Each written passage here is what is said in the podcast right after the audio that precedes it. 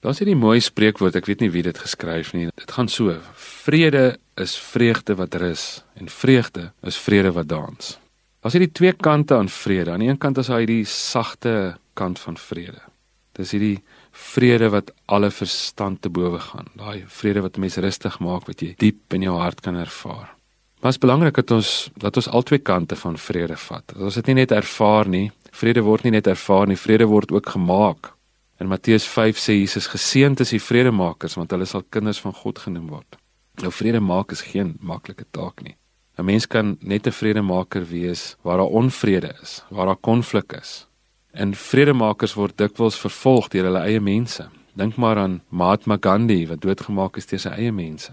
Dink maar aan Jesus, seker die beste voorbeeld hiervan. Hierdie wêreld het God se vrede nodig en die krisis waarmee ons sit is dat Suid-Afrika seker die land met die meeste vredemakers is en die minste vrede.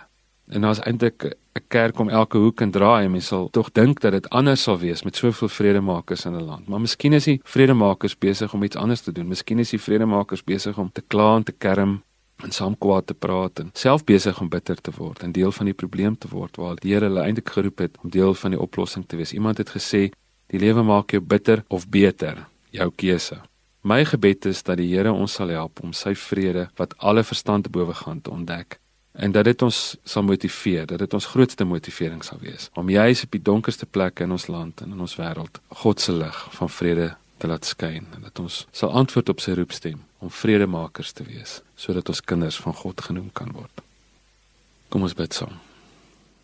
Here ons wil aanmeld vir diens. Ons besef dat dit dat dit rof gaan, dat mense kwaad is om mekaar, dat daar redes is om kwaad te wees, om gefrustreerd te wees. Ons wil kom bid dat U vir ons sal help om vredemakers te wees. Ons wil bid dat U vir ons wanneer dit donker is, juis sal motiveer om 'n lig te wees. Dat ons die mense sal wees wat dit beter maak en dat U ons sal behoed daarvan dat ons wat ons self volgelinge van U noem, dit nog donkerder nog meer bitter en nog meer boos sal maak in hierdie wêreld. Ons wil bid dat U vir ons sal help dat daai ding wat in U hart gebeur het, wat gemaak het dat U na die die stad gekyk het en geween het, ook in ons hart sal gebeur en dat uh, U liefde ons grootste motivering sal wees om ons lig te laat skyn juis daar waar dit donker is in Jesus se naam. Amen.